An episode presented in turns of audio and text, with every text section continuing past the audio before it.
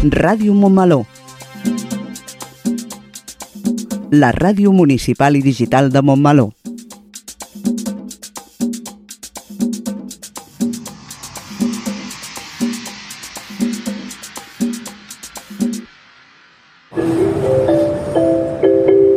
Propera parada, Montmeló.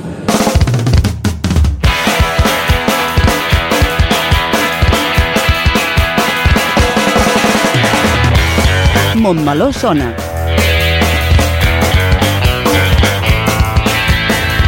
El magazín informatiu de Ràdio Montmeló.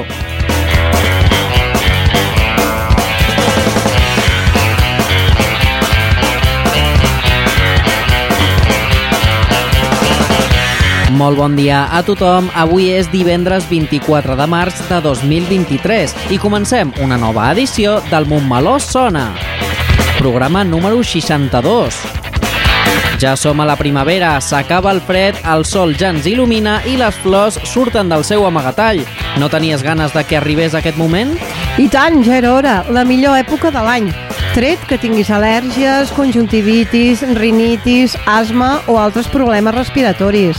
Bé, bé, tampoc cal que em tiris per terra l'entusiasme. No et preocupis, que hi ha una cosa en la que segur que estarem d'acord. S'acosten les vacances de Setmana Santa. Ara m'ha tornat l'entusiasme. Ja podem seguir amb el programa.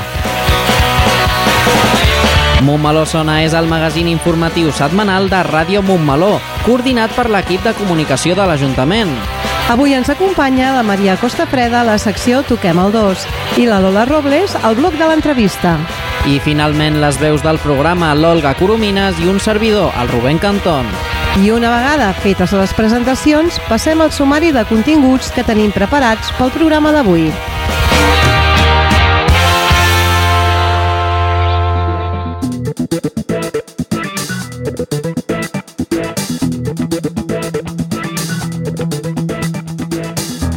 Comencem amb el Toquem el 2. Aquesta setmana la Maria Costa Freda ens proposarà anar a veure la Passió d'Esparreguera i parlarà amb el Jaume Cassí, membre de l'equip de direcció de l'espectacle. Continuarem amb el nostre informatiu Crònica de Montmeló, on repassarem les notícies més destacades del municipi. I tot seguit arribarem a l'agenda setmanal d'actes que podeu gaudir a Montmeló. Acabarem amb la Lola Robles, que entrevistarà a Maria Simón i la Montse Porro amb motiu de la xerrada sobre dol perinatal que va tenir lloc el passat dimecres. I com ja sabeu, tot això i alguna cosa més és el que trobarem al Montmeló Sona d'avui, 24 de març de 2023.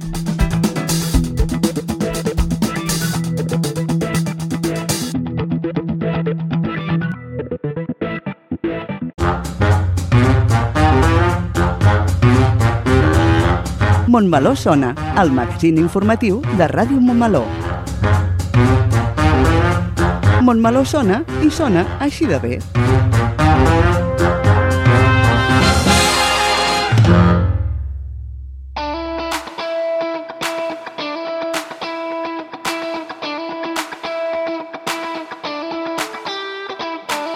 Estem a les portes de Setmana Santa i en el Toquem el 2 d'avui ens donarem un tomb per la passió d'Esparreguera. Enguany aquestes representacions ja varen començar el passat diumenge dia 19 de març i la seva cloenda serà el dia 1 de maig. L'espectacle de la Passió o també la Passió de Crist és el tret artístic, cultural i social més important i distintiu d'Esparreguera, vila mil·lenària situada a la riba dreta del riu Llobregat i porta d'entrada al Parc Natural de Montserrat. Se celebra cada Setmana Santa entre els mesos de març i maig. Un espectacle extraordinari que combina modernitat i tradició, amb la implicació de tot un poble que de generació en generació han convertit la passió un espectacle únic a Europa als peus de la muntanya de Montserrat.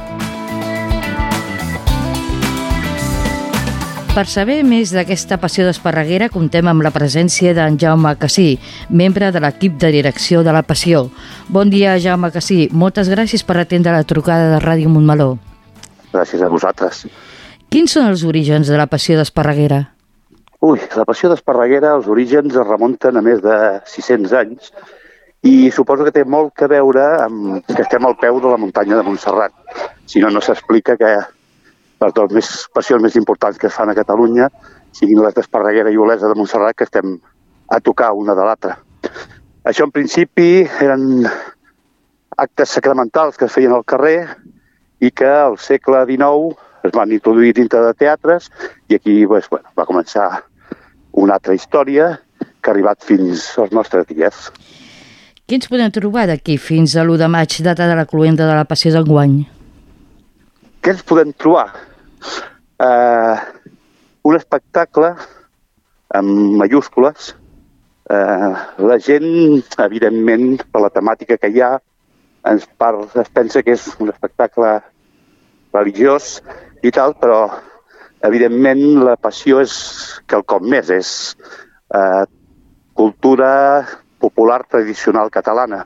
Ens podem trobar un espectacle amb música en directe, en cor en directe, amb més de 150 actors amb escena, amb un asa, amb un colom que també actua. Eh, podem trobar això el que deia, un espectacle amb, amb majúscules, que eh, no tens per què ser religiós per, per venir perquè t'agradi. Quines són les dates en què se representa la passió d'enguany?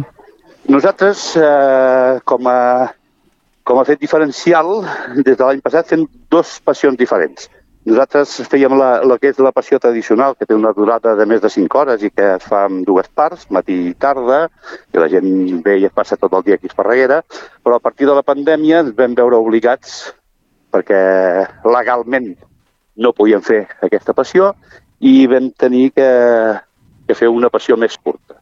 Fa dos anys es va fer la, la mateixa passió que feia reduint el temps i l'any passat en Robert Govern, que és el, el cap d'aquest equip de direcció en el qual jo hi soc, doncs va escriure un nou text en prosa, la passió tradicional és en, en vers, i va escriure un nou text en prosa amb una durada de dues hores i, i poc.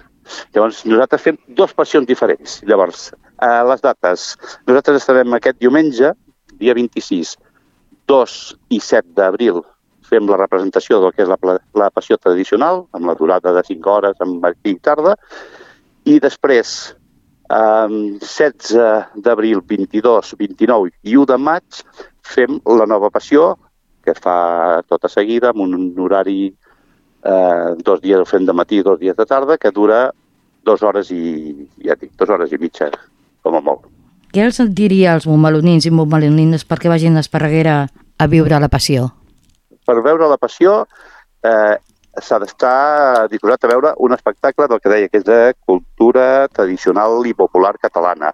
És un espectacle, és una història que, evidentment, nosaltres ens basem en un text del que va passar teòricament fa 2.000 anys, però que és un text que també pot ser actual. És la història d'un senyor que lluita contra els poders establerts, amb cap arma que no sigui la seva paraula i la seva bona fe, i quan lluites doncs, contra poders d'aquests tan forts, com podien ser els polítics actuals, doncs acabes com, com va acabar ell.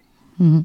És un espectacle que ja dic, la temàtica és la que és, però que la gent es sorprendrà de, de tot el que es pot fer damunt d'un teatre, i a més damunt d'un teatre tan espectacular com és el nostre, que recordem que és el segon més gran de Catalunya després del Liceu, que té capacitat per 1.700 espectadors, que té un escenari de 325 metres quadrats, llum, so eh, espectacular, música en directe, o sigui, un espectacle.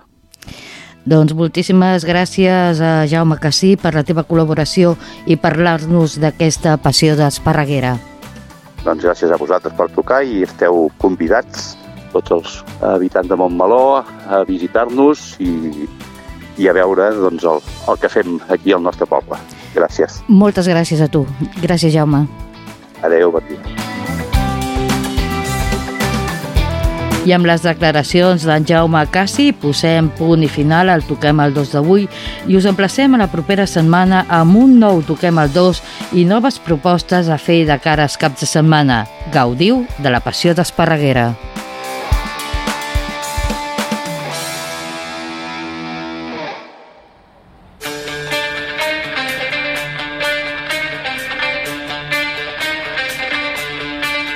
Per fi me n'he adonat ho veig del tot clar veig on tots anirem a parar.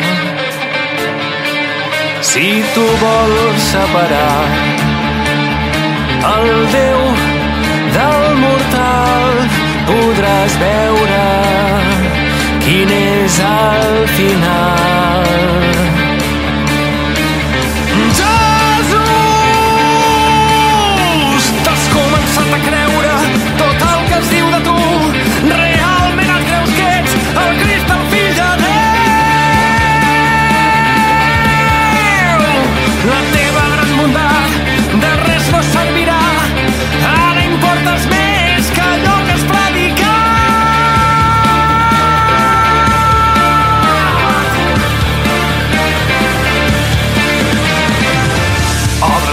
Escolta el que t'he de dir Que no veus que no vull veure't morir. Et soc fidel, recorda que sempre jo t'he fet costat en tot. Els has omplert de fantasies i es pensen que ets el seu messies. Però veuran quina és la realitat Me'n recordo quan tot va començar. Només de l'home de Déu mai vas parlar. I et prometo que no he perdut la meva admiració. Oh, però tot allò que has predicat el poble mal interpretat i se sentirà desconcertat. Nazaret, si el teu fill fos un desconegut per tots com son pare un fuster, tot hagués anat bé. Sent cadires i taulells arreglant els bagulls vells, una vida molt normal no hagués fet tan mal. Aquesta gent em tenen molt amoïnat, no tenen res a perdre, els has encegat. I si arribem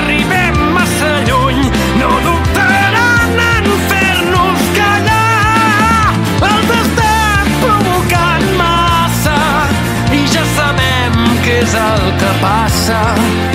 A la seva força ens sotmetran. Ens faran callar.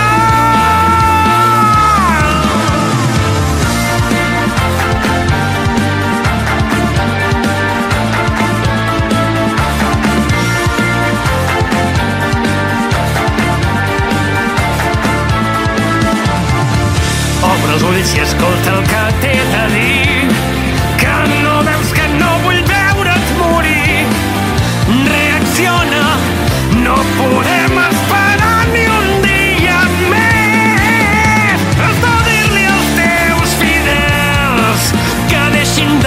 en el cel. Era molt bonic però tot s'ensorra.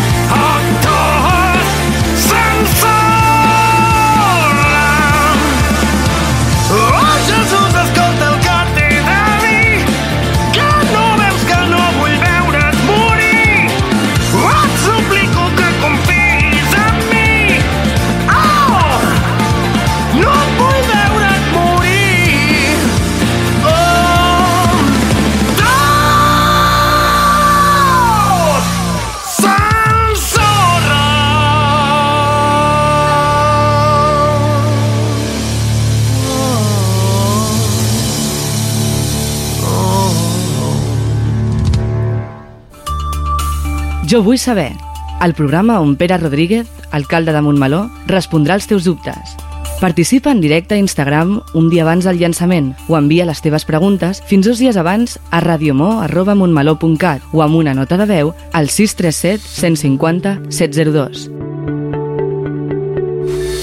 Jo vull saber, l'últim dijous de cada mes a les 5 de la tarda. Dius que et preocupa el meu futur, que vols el millor per mi, però no et dóna la gana reciclar. Passes de separar les teves deixalles. És més fàcil posar-ho tot a la mateixa bossa.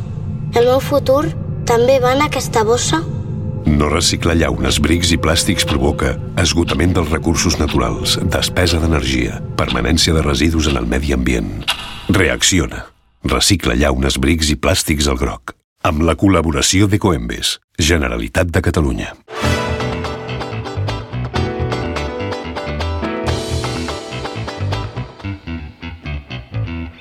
Entrem en el nostre bloc informatiu Crònica de Montmeló i donem pas, una vegada més, a les notícies locals més destacades d'avui, divendres 24 de març de 2023. Aquest és el sumari. Montmeló rep el distintiu de la Diputació de Barcelona, Equipaments 2030. Cinexic es va fent lloc a Montmeló. L'Ajuntament renova un any més el segell Info participa a la transparència i qualitat en la comunicació pública. Millores al Parc de la Quintana i a la plaça del Milenari. L'Escola Sant Jordi participa en el projecte Bo Sa d'aquí.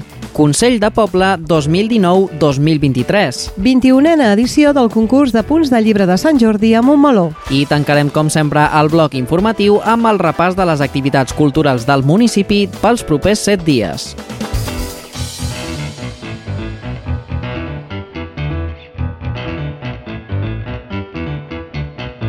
Divendres passat, 17 de març, el diputat de l'àrea d'Educació, Esports i Joventut de la Diputació de Barcelona, senyor Josep Monràs, va lliurar a l'alcalde, senyor Pere Rodríguez, el distintiu Equipaments Responsables i Educadors 2030.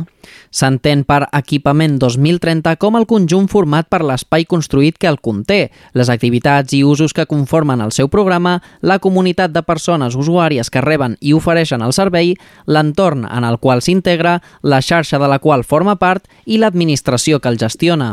Per tant, quan ens referim a equipaments 2030, ho fem des d'aquesta visió polièdrica que supera els límits de l'edifici com a continent. Són equipaments responsables perquè integrin criteris de sostenibilitat en els vessants ambientals, socials i econòmics. Són equipaments educadors perquè transmeten els valors de compromís i sostenibilitat ambiental, social i econòmica entre persones i promouen la seva participació activa en iniciatives orientades a la incorporació d'aquests valors.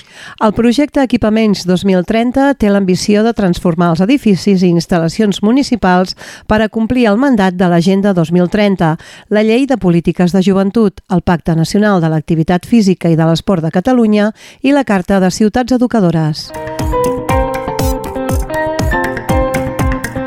Òmnium Montmeló, amb el suport de l'àrea de cultura de l'Ajuntament, ha programat una pel·lícula infantil mensual en català, gratuïta, a fi de promoure el cinema en la nostra llengua adreçat a aquesta franja d'edat. El projecte es va estrenar a Montmeló al gener amb la pel·lícula Gordon i Paddy, de Linda Hambach.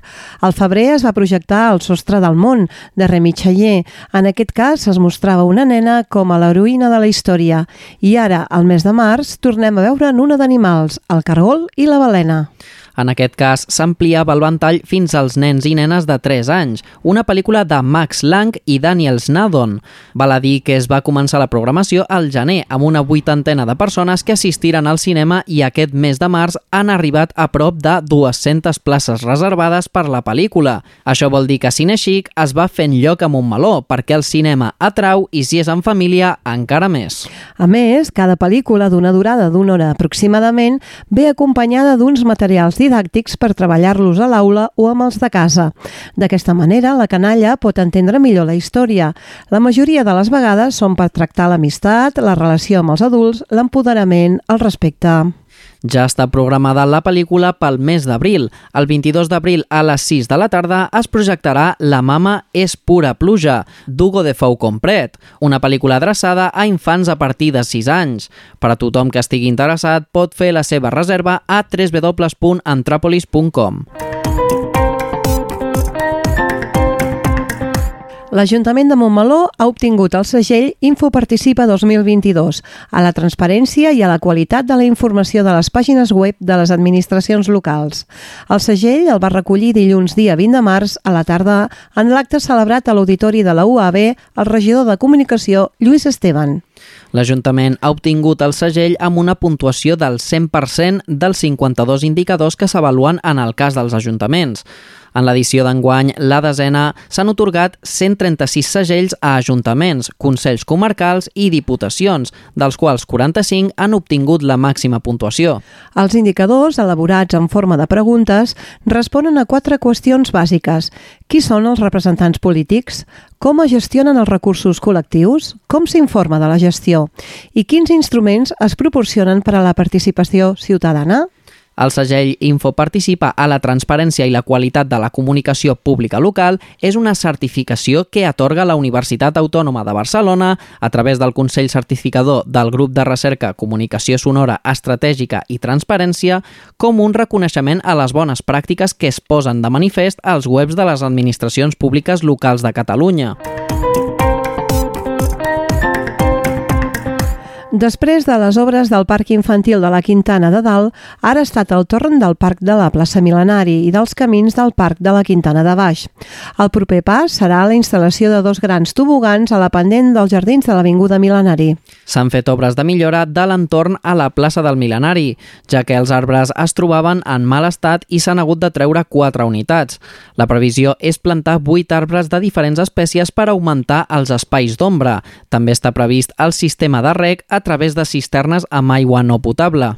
D'altra banda, el Parc de la Quintana, comprès entre els carrers de Joan Maragall i del Passeig de les Corts Catalanes, és un espai verd d'oci que travessen diferents camins de sauló. Pel pas del temps, aquests camins en pendent han perdut sorra i s'han creat uns xaragalls amb risc de caigudes per a les persones. La solució proposada pels serveis tècnics de l'Ajuntament és un compost natural de diferents terres, lligants hidràulics i additius naturals, que s'utilitzen en la construcció de camins, jardins, places o voreres que s'anomena sauló sòlid. Aquest producte és natural i respectuós amb el medi ambient, ja que és 100% reciclable, però d'elevada resistència. A més, és un paviment inert i la no aparició d'herbes comporta un elevadíssim estalvi en el manteniment. Paral·lelament a les obres de millora d'aquests dos espais, l'equip de Territori i Urbanisme ha estudiat la possibilitat de convertir la gran pendent i zona de gespa que va des de l'Escola Sant Jordi a l'Avinguda Milenari en una zona d'esbarjo i jocs amb la col·locació de dos grans tobogans un d'ells amb una llargada de 14 metres i una alçada de més de 6 metres. Aquest serà un tobogan obert tipus half tube, adaptat a la totalitat del pendent del terreny. A un costat anirà un segon tobogan més curt, de 6 per 2 metres i mig, amb una plataforma de fusta i una escala japonesa de troncs. Dimarts 21 de març, el grup infantil El Pot Petit va lliurar el certificat a l'Escola Sant Jordi que demostra que estan fent una bona feina amb l'alimentació dels infants. Bo, Sa, d'aquí, és un projecte de l'empresa Grup Taelus que vol acostar als infants i adolescents al consum d'aliments de forma responsable. Sota la premissa Mengem bo, fem música i som escola, el projecte apropa artistes coneguts del panorama musical del territori als espais de lleure de les escoles, que tenen un compromís amb els productes quilòmetre zero i sostenibles i ofereixen una alimentació saludable i de proximitat. L'objectiu és fer difusió dels menjadors escolars que treballen amb productors i comercialitzadors del país i que tenen com a missió fer arribar els aliments de proximitat dels nostres camps i de la nostra mar als menjadors de les escoles de Catalunya. Els millors músics joves de Catalunya són els ambaixadors d'aquest model de proximitat, on la qualitat sempre va per endavant del preu. Es treballa a través d'una xerrada i col·loqui amb un dels principals músics del nostre país, que visita el centre en horari de menjador i comparteix una bona estona estona amb l'alumnat. A l'Escola Sant Jordi ha estat el líder del grup infantil El Pot Petit, que ha fet les delícies de la canalla. Els infants han cantat els grans èxits d'aquest popular grup d'animació infantil i també han fet preguntes. Ha estat un migdia molt entretingut pel professorat i sobretot pels infants. També han estat presents a l'entrega d'aquest distintiu de qualitat l'alcalde Pere Rodríguez i el regidor d'Educació Lluís Esteban. El passat 14 de març, el plenari del Consell de Poble es va reunir per fer la darrera trobada de la legislatura. El Consell de Poble és el màxim òrgan consultiu d'informe i de proposta de l'Ajuntament de Montmeló, on representants de l'Ajuntament i de la societat civil debaten els principals afers públics del municipi. Les 32 persones que constitueixen el Consell de Poble es van designar el 21 de febrer de 2020, a l'inici del mandat electoral i la renovació s'efectuarà en bloc a l'inici del següent mandat. Una de les accions més notòries que ha realitzat el Consell ha estat la campanya Salvem la nostra salut per recuperar el servei d'urgències nocturnes del centre d'atenció primària. El Consell de Poble va redactar un manifest amb l'objectiu de recollir signatures de la ciutadania, reivindicant la reobertura del servei i de les farmàcies de guàrdia en horari nocturn. Van recollir un total de 2.866 signatures que van lliurar a l'alcalde i que s'han traslladat al síndic de Greuges i a la Generalitat de Catalunya.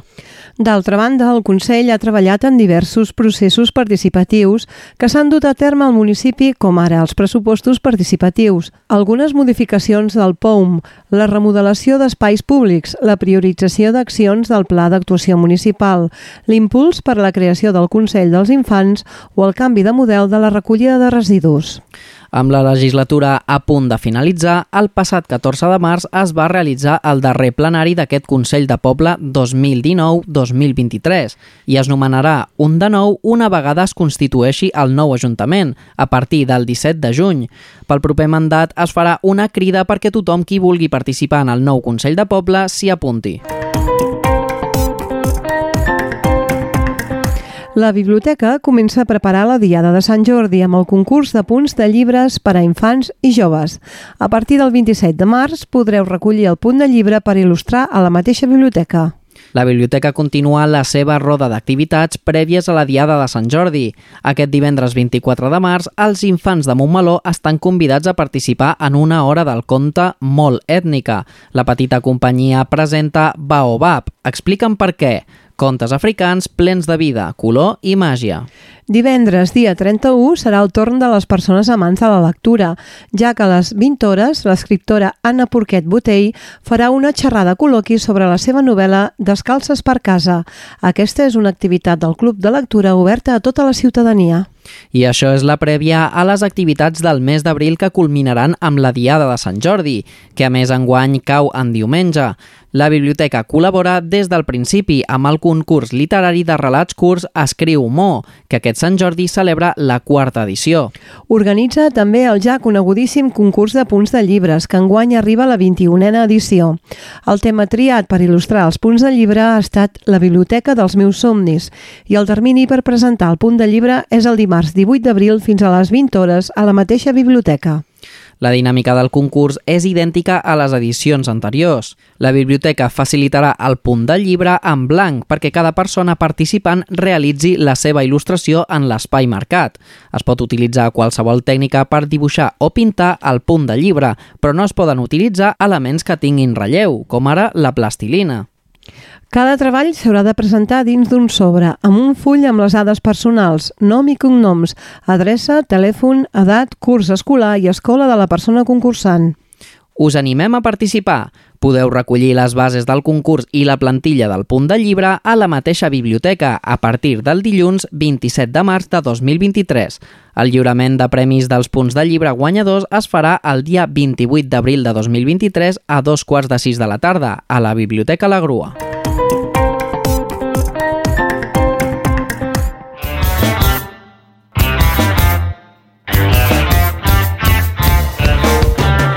Iniciem el bloc de l'agenda d'activitats culturals aquest cap de setmana amb una nova activitat organitzada per la Biblioteca La Grua.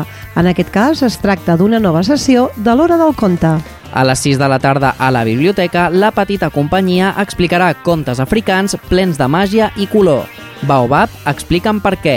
És el títol d'aquesta sessió de contes infantils recomanada per a infants a partir de 4 anys. L'entrada és gratuïta i l'aforament és limitat. Demà dissabte 25 de març estrenem la primavera a la Polivalent amb el primer espectacle de la programació estable de la sala. Es tracta d'un concert de música clàssica de l'Orquestra Simfònica de Terrassa. A dos quarts de nou del vespre, l'orquestra ens oferirà un petit recorregut per dues zones nòrdiques, una d'elles de la península Ibèrica i l'altra d'Europa. Així, veurem una sinfonia del compositor basc Juan Crisóstomo de Arriaga i, d'altra banda, del noruec Edward Grieg us proposen la primera suite de la famosa música incidental de Peer Gynt.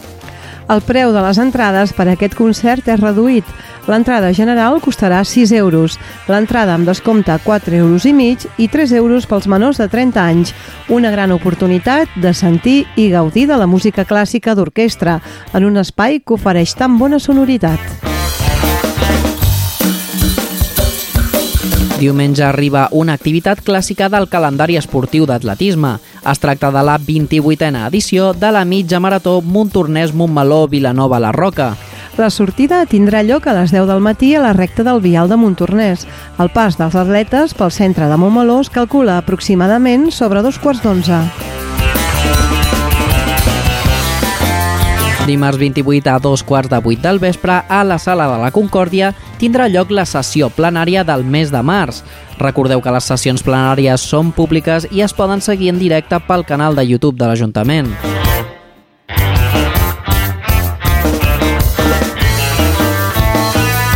Del 28 de març al 2 d'abril arriba la Setmana Jove, amb propostes esportives com un torneig de futbol, propostes creatives com un taller de decoració d'ungles, així com propostes d'oci com sessions musicals, sopars populars i sortides. També s'han programat dues sessions participatives, una en relació a l'elaboració de la diagnosi del nou Pla Local de Joventut que està en marxa i una segona en relació a una taula rodona envers la mobilitat internacional per recollir opinions, necessitats i propostes del col·lectiu jove i oferir un espai de referència en termes de programes de mobilitat, així com d'afrontar nous reptes. Podeu consultar la programació de les activitats d'aquesta Setmana Jove a les xarxes socials de l'Estació Jove, arroba Estació Jove, i al web municipal www.montmeló.cat. Divendres 31 de març, a dos quarts de set de la tarda, la secció de sardanes de la grupa ens proposa un taller obert de sardanes a la plaça de la Vila. Si vols aprendre a ballar sardanes, si ja en saps però vols refrescar els passos, si no tens clar si recordes com es ballen, vine al taller i posa't a punt per la plec de sardanes que se celebrarà diumenge 16 d'abril a la Torreta. El mateix divendres a les 8 del vespre serà el torn de les persones amants de la lectura. La biblioteca ens proposa una trobada amb l'escriptora Anna Porquet Botell, que ens farà una xerrada col·loqui sobre la seva novel·la Descalces per casa. Aquesta és una activitat del Club de Lectura oberta a tota la ciutadania amb entrada gratuïta però amb aforament limitat. I acabem setmana amb la jornada de portes obertes d'un nou equipament a Montmeló. Dissabte 1 a partir de les 9 del matí i fins la 1 del migdia, el tanatori obre les seves portes. A dos quarts de deu del matí, després dels parlaments de les autoritats, s'iniciarà el recorregut per aquest edifici d'una planta de gairebé 400 metres quadrats edificats per conèixer les dues sales de vetlla i serveis multiconfessionals. El nou tanatori de Montmeló estarà situat en el carrer de les Tres Creus número 1, passada la rotonda de l'Olivera en direcció Montornès Nord. I així finalitzem un dia més el nostre informatiu, crònica i l'agenda d'activitats d'aquesta setmana a Montmeló. Tot això i molt més ho podeu trobar al web municipal i a les diferents xarxes socials de l'Ajuntament.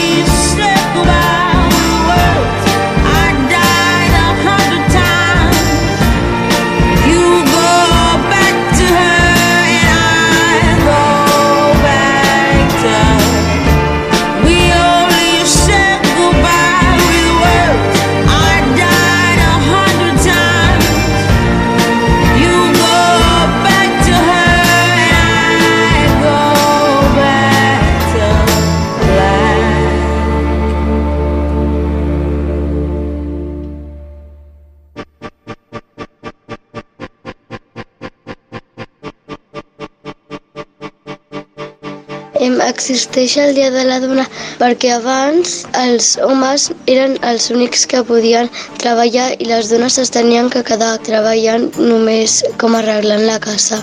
El feminisme són les persones que intenten que els homes i les dones estiguin igualats i no les dones siguin menys. Per mi el feminisme és el paraigua de totes les lluites que defensen els drets de les persones.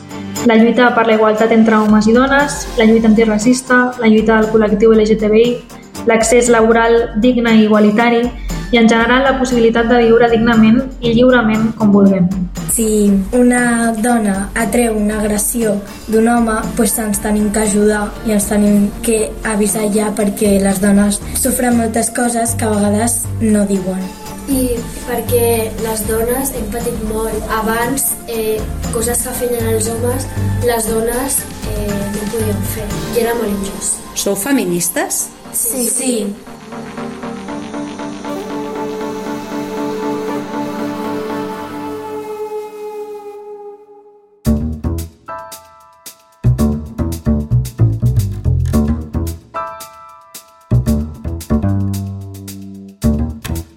Passar pel tràngol d'un avortament, que el nadó mori avançat l'embaràs o en els primers dies després del part, és una experiència dolorosa no sempre bé atesa.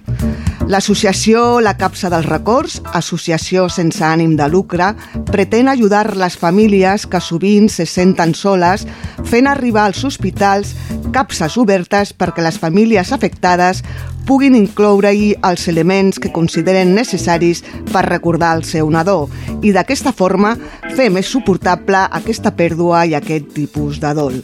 Amb motiu de la xerrada sobre dol perinatal que va tenir lloc dimecres passat a la Sala de la Concòrdia, tenim a l'apartat de l'entrevista la Maria Simón, fundadora de la Capsa dels Records, i la Montse Porro, veïna de Montmeló i voluntària de la mateixa associació. Bon dia. Bon dia. Hola, bon dia.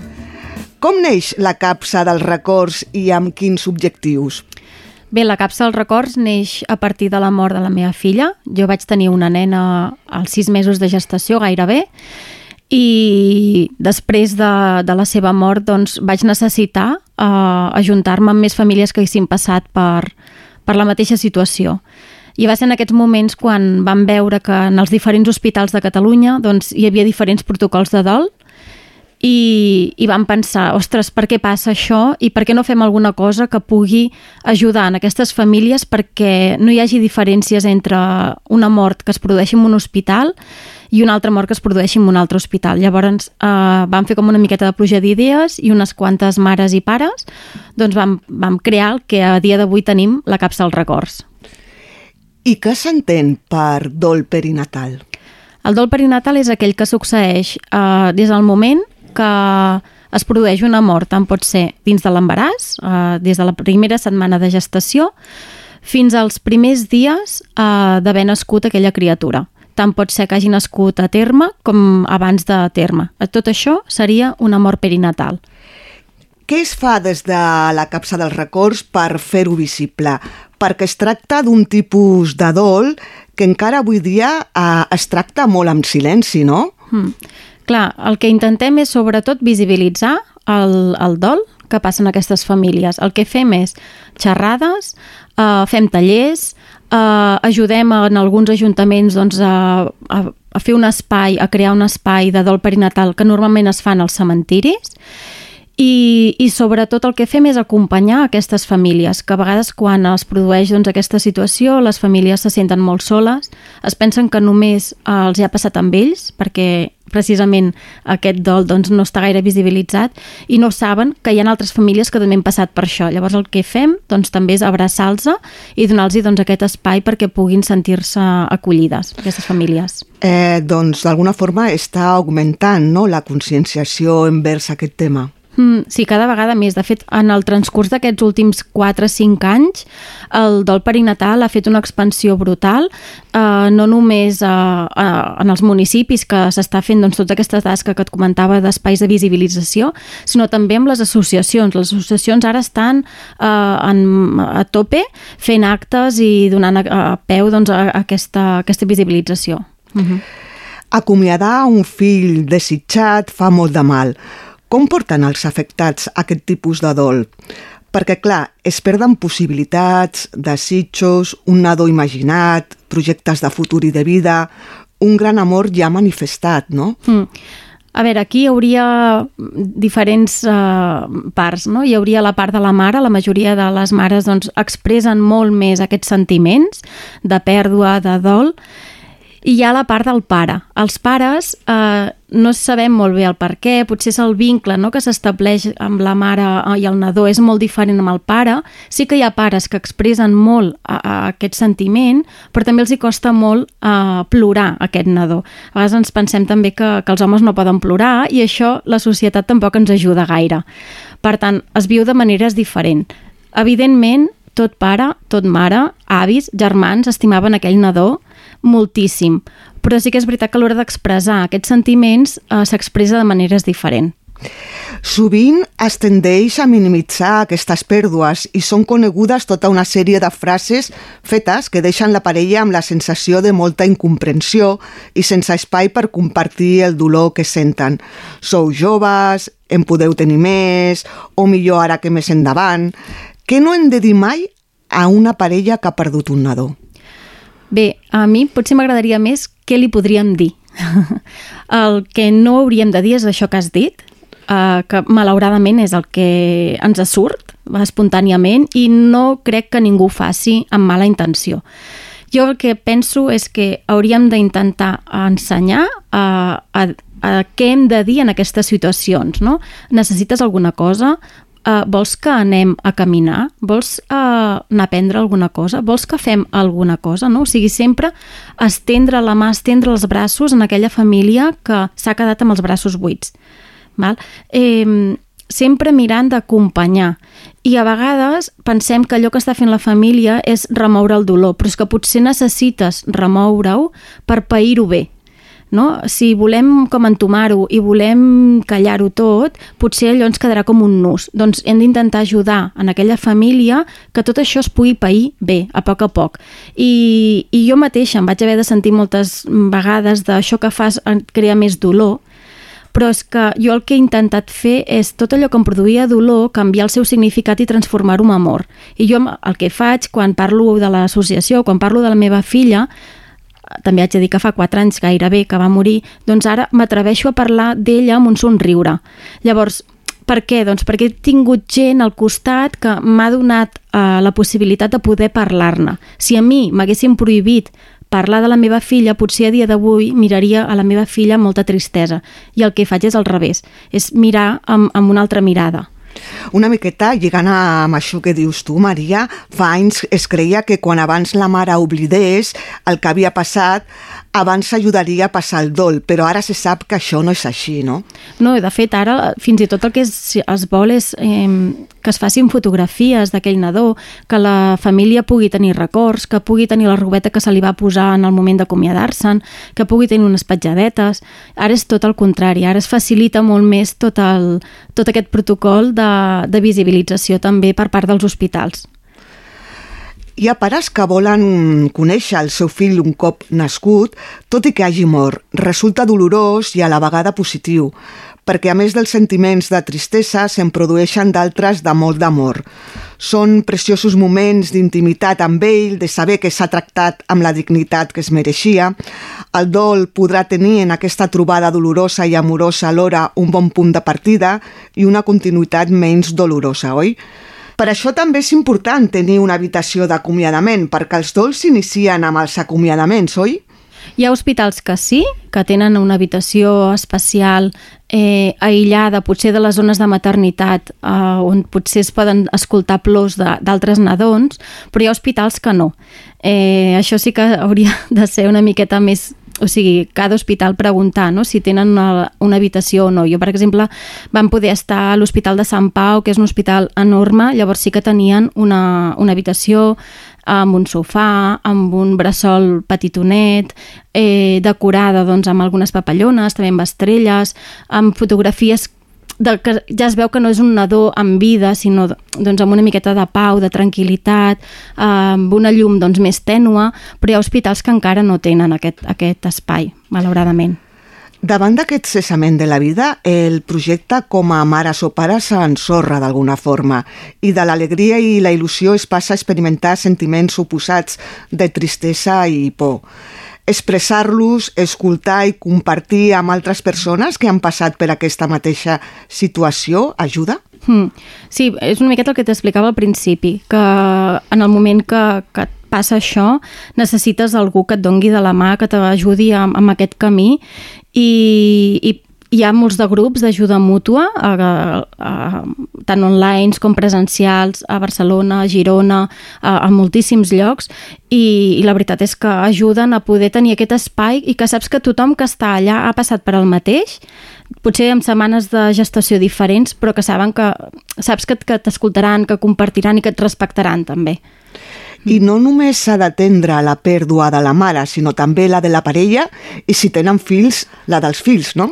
Clar, uh, ens fa molta il·lusió compartir un, un embaràs i, i el, en l'altre fill que puguem tenir o filla uh, ens fa moltíssima il·lusió dir-los no? doncs tindràs un germanet o tindràs una germaneta però què passa quan aquest germanet o germaneta malauradament no arribarà a casa jo em vaig trobar amb el cas del meu nebot que clar, a mi m'havia vist amb una panxa jo li havia explicat que portava una nena a dins i, i vaig arribar un dia a casa sense la nena i sense la panxa. Llavors a mi em va preguntar, tia, i on està el bebè? Llavors en aquell moment va ser de, i ara què li explico jo en un nen de 5 anys? I, i una miqueta el que volia comentar és doncs, que tenim un conte pensat per, per aquests nens i aquestes Que nenes maco. que es diu Bona nit, petit Estel i que està pensat doncs, per això, no? per facilitar la tasca de com expliquem que aquest bebè ja no arribarà a casa en l'altre germanet i bueno, és, és un conte preciós, està fet a, a partir d'una escriptora que es dedica doncs, a escriure contes a mida i il·lustrat per l'Elisabet Serra, preciós, i bueno, que es pot trobar doncs, a moltíssimes biblioteques i també es pot trobar a les xarxes socials nostres i bueno, que vull compartir amb tothom que, que és, és preciós. I què pot fer l'entorn més proper, la família, els amics, els companys de feina per acompanyar en aquest tipus de dol? Uh, una miqueta també el que deia abans, uh, acompanyar i escoltar. Escoltar molt. Escoltar el que vulgui explicar la família. Si és l'avi, si és l'àvia, si és el germanet, si és la tia. En una xerrada que varen fer uh, en una altra biblioteca, eh, va ven no van venir uns pares que havien tingut una pèrdua, havia, vi- va venir la tia i, i, i diu, és que vinc per saber què haig de dir, no? I, i jo li vaig dir, si no saps què dir, no diguis res. Uh, tu acompanya, escolta, que diguin els altres. I, I és una miqueta això. A l'entorn el que ha de fer és això, acompanyar. Acompanyar i escoltar. I si no ve de gust avui parlar, no passa res. Però acompanyar, sobretot acompanyar. I Montse, eh, tu com a voluntària, quina és la teva tasca? Quina és la tasca dels voluntaris de l'associació? Hi ha dos grups de voluntaris. Eh, unes són les cosidores, que són les que fan la robeta que va a la caixa, que són els, els gorros que, i els manyacs, eh, i els pelutxos, perquè la caixa va, és preciosa, va completa um, perquè es puguin acomiadar de, dels nadons. I després està la part de, eh, grup de, que fem les llibretes els llibrets eh, es despleguen i estan preparats per mm, deixar les petjades, per deixar imatges, eh, pots deixar l'ecografia, pots deixar el, el, la pinça del cordó i tot això ho fem des de zero, des de que tenim les cartolines a la mà fins que li donem la forma i fins que les acabem eh, deixant mm, tal com hem fet el, en el projecte. I eh, a tu, a nivell personal, què et va portar a formar part de l'associació? El vaig veure a través del Facebook, que la Maria va demanar ajuda, i, i només llegir-ho ja va ser com alguna cosa em, em va sobtar ja i, i el, no sé, és com que se'm va encongir el cor. Jo tinc dues filles, no n'he perdut cap, però evidentment hi ha una empatia, hi ha un sentiment, no? Mm, perquè quan t'escriuen les famílies i la Maria ens passa eh, l'agraïment, és que se t'encongeix el cor, no? I és allò que dius, eh, haig de seguir fent aquesta tasca. Eh, Et vas identificar d'alguna forma? Sí, Sí, la veritat és que jo la part del voluntariat i pues, no sé per què em tira bastant i, i bueno, pues, quan hi ha hagut alguna altra cosa que no ve al cas, vull dir, hem fet la xocolatada solidària per Sant Joan de Déu i he col·laborat, he, he intentat ajudar altres associacions que a vegades hem fet coses, i però amb aquesta, pues, no sé, és com que m'ha tocat com més, no sé, mm, i, i la veritat és que estic encantada. I, bueno, per anar acabant, eh, ho hem anat dient al llarg de la conversa, però quines recomanacions donaríeu per anar sortint a poc a poc d'aquesta situació? Uh, jo el que li diria a una família és que no es tanqui en banda, que estigui oberta, que és evident, o sigui, la típica frase en tindràs una altra, doncs jo animo a que no perdin la il·lusió, és evident que aquesta il·lusió que tenien per aquest fill no hi serà, però pot ser que la il·lusió un dia torni. Sense oblidar que hi ha hagut un fill previ. Per tant, que segueixin endavant, però que sobretot, i aquesta frase me la va dir la, la meva àvia, perquè la meva àvia també doncs, va passar una pèrdua perinatal, però en el cas del seu germà fa 83 anys, 84 ja, doncs eh, a mi em va dir, diu, sobretot que no s'ofusquin, em va dir l'àvia. I, I jo doncs, transmeto el mateix missatge que, que ella em va dir, no t'ofusquis, la vida segueix, però tingues present que mai oblidaràs a la teva filla. I és veritat, jo no hi ha dia que no oblidi la meva filla, per tant jo també encoratjo les famílies que sense oblidar aquest fill, que mirin endavant i que, No l'oblides, que a poc a poc. no l'oblides, però la recordes amb molt d'amor. Exacte, i que a poc a poc, no cal córrer. Doncs moltes gràcies, Maria i Montse, per haver compartit aquest espai amb nosaltres i apropar-nos al dol perinatal. Un plaer. Gràcies. Gràcies. Me cuesta abrir los ojos y lo hago poco a poco. No sea que aún te encuentre cerca. Me guardo tu recuerdo como el mejor secreto. Qué dulce fue tenerte dentro. Hay un trozo de luz en esta oscuridad para prestarme calma. El tiempo todo calma. La tempestad y la calma. El tiempo todo calma la tempestad y la calma. Siempre me quedará la voz suave del mar, volver a respirar, la lluvia que caerá sobre este cuerpo y mojará la flor que crece en mí y volver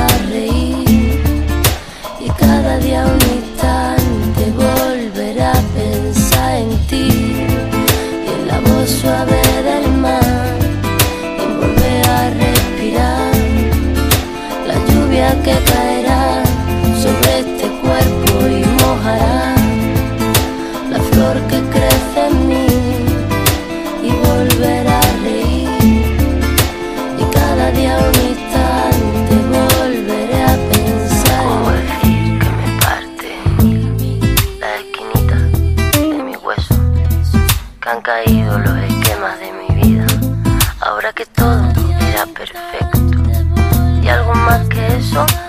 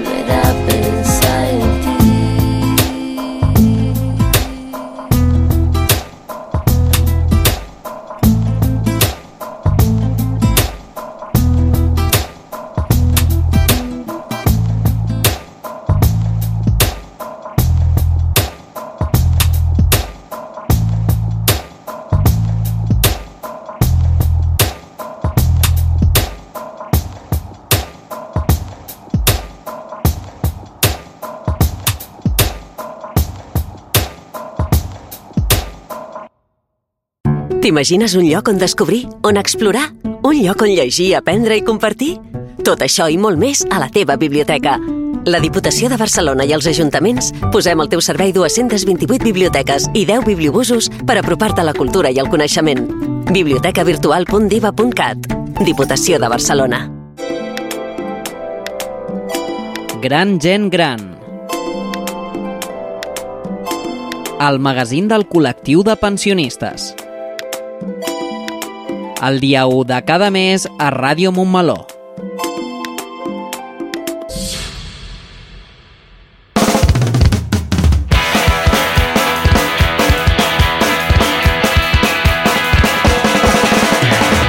I ja arribem al final del programa, però abans repassem tots els programes que podreu sentir a la nostra emissora durant la setmana. Demà mateix, dissabte 25, podrem sentir els alumnes de les escoles de primària de Montmeló, el Pau Casals i el Sant Jordi, en una nova edició dels Infants també parlen, a les 12 del migdia.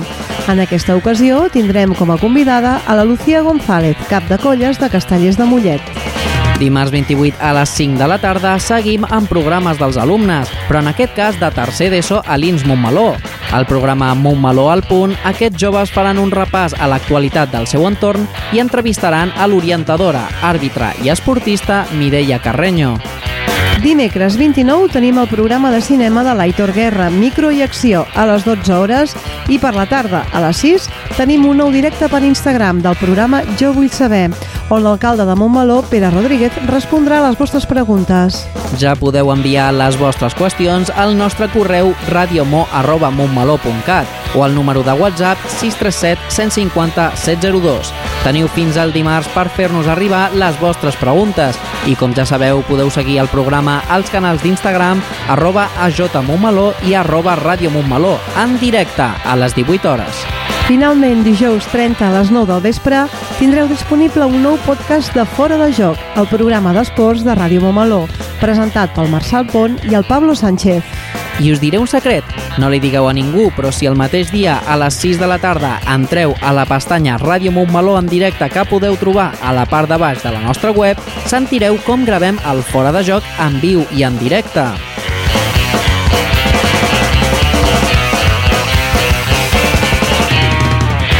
I amb tot això marxem, però com ja és costum, us volem recordar que podeu contactar directament amb l'emissora si teniu qualsevol idea, suggeriment o opinió, mitjançant el nostre correu radiomor.montmeló.cat o a través del telèfon i WhatsApp 637 150 702.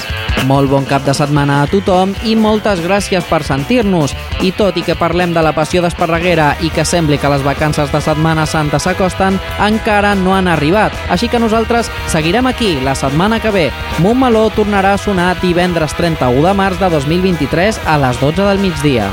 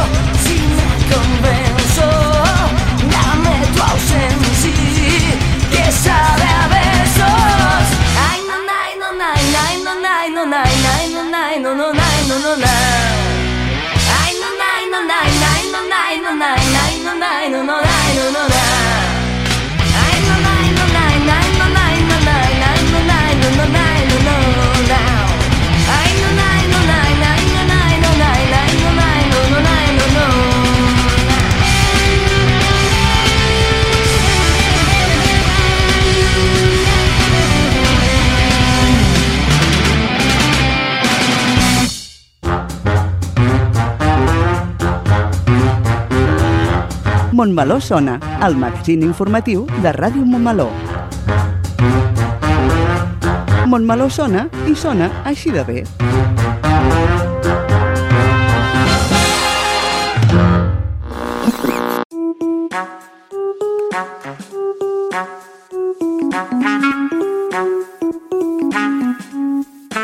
Ràdio Montmeló.